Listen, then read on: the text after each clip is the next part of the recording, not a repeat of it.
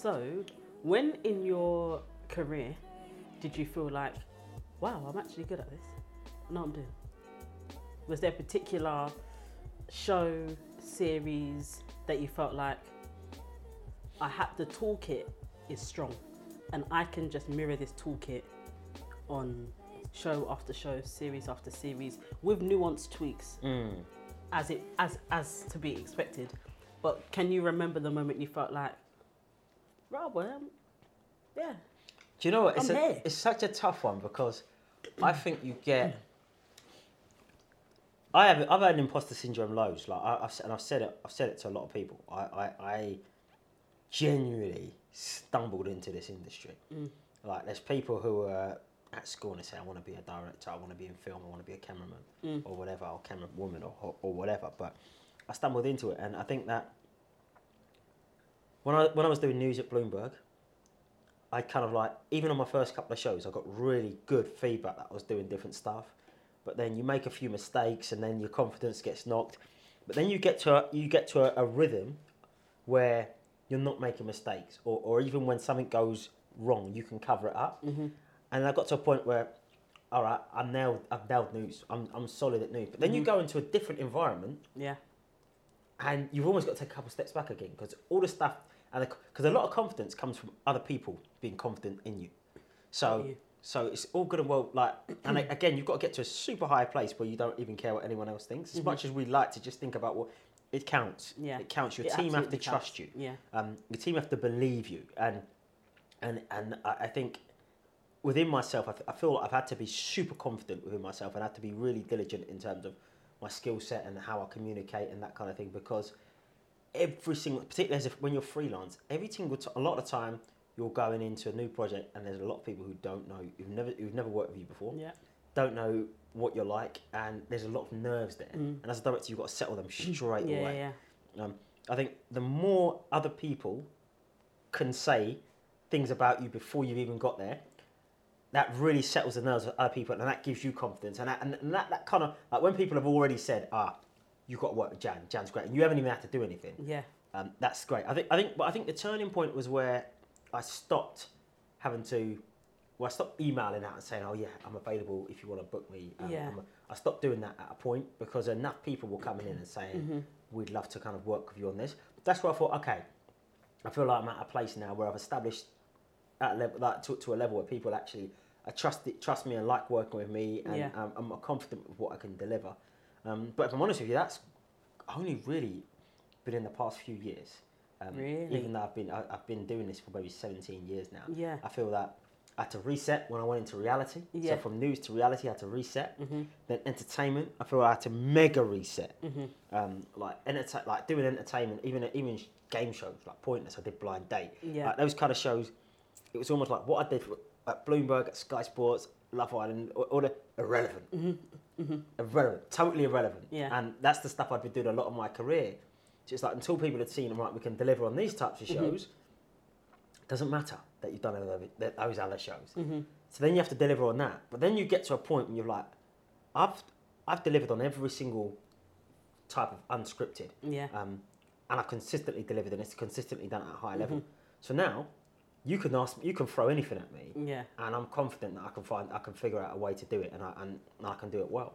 Um, and yeah, and I think that and ultimately that's that's kind of like that's kind of where I am now. I feel Yeah. like I feel like um I feel like yeah. It, it, most types of like most types of project I can I can again it's about pulling the right people in so Yeah. it's just understanding what's the project what do we need um, understand and also also being realistic about time as well there's been certain times where I know I could do a project and it's like ah I've really needed another four weeks on this though um, because you're you understand you've got to understand other people's roles you're, you're a production designer how long do they need to design it before so so so it's kind of like all of those different elements to it so yeah, I don't, I don't think there's a particular time. Yeah. I think it's reset quite a bit, but I'd definitely say in the last two to three years, so maybe 2020, 2020, Yeah. 2021 more so. Um, I feel like people are seeing enough of my work now, and there's enough people, enough people within the industry Mm-hmm. as well as outside the industry that have seen the various different types of shows I've done. yeah. Um, that I can be confident and say, listen, I, I, uh, yeah, this Yeah. is what I do. This is what I do. I can do it at, at a top level. Yeah, and I think that's it's clear based on the caliber of shows that you've worked on and the consistency in which you work on those types of caliber of shows, um, what do you think the biggest lesson the industry has taught you is? Um, ooh, that's a really good question. The biggest lesson, um, I think the biggest lesson is is um, I would say, do you know? what I'd say it's it's something along the lines of staying true to yourself. If I'm Mm. honest with you, I think that um, again, I wouldn't, I don't regret anything in my career or, or so far, Mm-hmm. or the direction I've gone to. But um, I realised like when I when I kind of stopped doing shows because I thought it was gonna maybe impress the right people and help me get to the next level. And I've just focused on what I actually enjoy, Mm-hmm. what I actually find I'm doing higher profile shows, better shows. I'm happier doing it. Mm-hmm. I'm happy with the end product, and I'm also happier with the kind of with the with the people it's serving.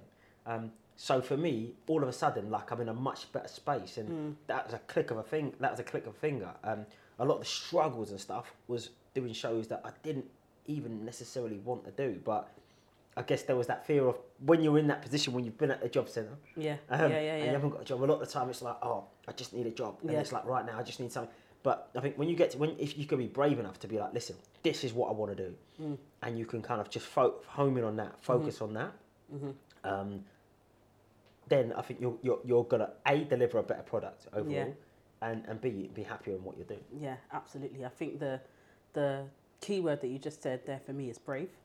And one of the words for me this year, every year I coin my year with like a few words to like always hone in on. And one of them is courage. And that's mm. like synonymous with bravery. Yeah, So yeah. I think in following or in passionate pursuit of something you love, it doesn't you can't not be brave. Yeah, yeah, It's just it's not possible to get there. hundred. It's really not possible to get there.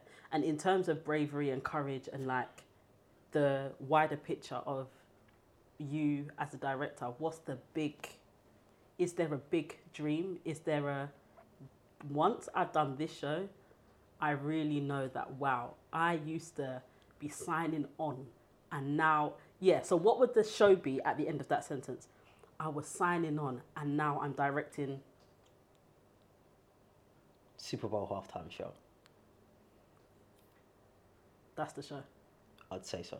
Yeah. Yeah, I think I, I, I look at that. I think that's the pinnacle. That's the pinnacle of, of, of, of what I do, and it's like,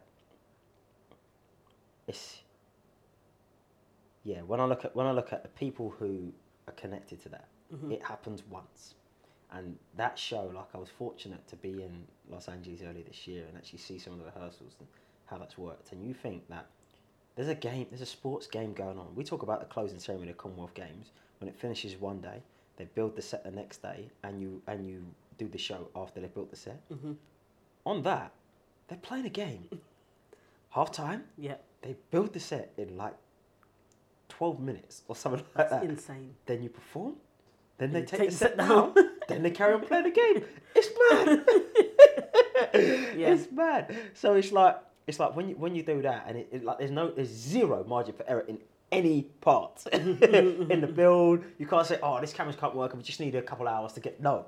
Everything has to work. Yeah. yeah and yeah. then you have to deliver. And anything that that there's a problem you've got to just figure it out and it's got to work there and then so um, when I look at that kind of stuff I'd say that those kind of shows and I think that um, international in general um, just doing things like global six and even the Commonwealth Games closing ceremony yes it was in Birmingham but I see I see it as there's an international project, appeal on it and, and you I, I feel like that's really where I, I, I recognise that the world yes it's a big place but it's also a small place and, and, and I think that you can have a lot of people from different parts of the world all plugged in on the same one show. When you think about all the different shows in the world, Mm-hmm. if you can be attracting the world to this particular show because it's happening now, Mm-hmm. now's the time it's plugged in, then that's something that's really special. That is incredible. So uh, the word on the street is that Rihanna's doing the cl- the um, Super Bowl next Feb. Yeah. So I will be looking out for your name in the credits for that. But it has been an absolute joy No, to talk to you. and learn more about your life, your career, and it really, really, really is only the beginning. Nah, thank you. I appreciate that, man. Um, yeah, uh, really thank is. you. Nah, and and, and It again, really al- always always great, always great chatting to you, man. And again, like as I said before, you're one of the few people I feel who's been who's seen like the whole journey, Mm. and and I get yes, some of the some of the stuff you remember, I'm like, oh wow, yeah. So it's um no, always good talking to you, man. So no, thank you. Thank you.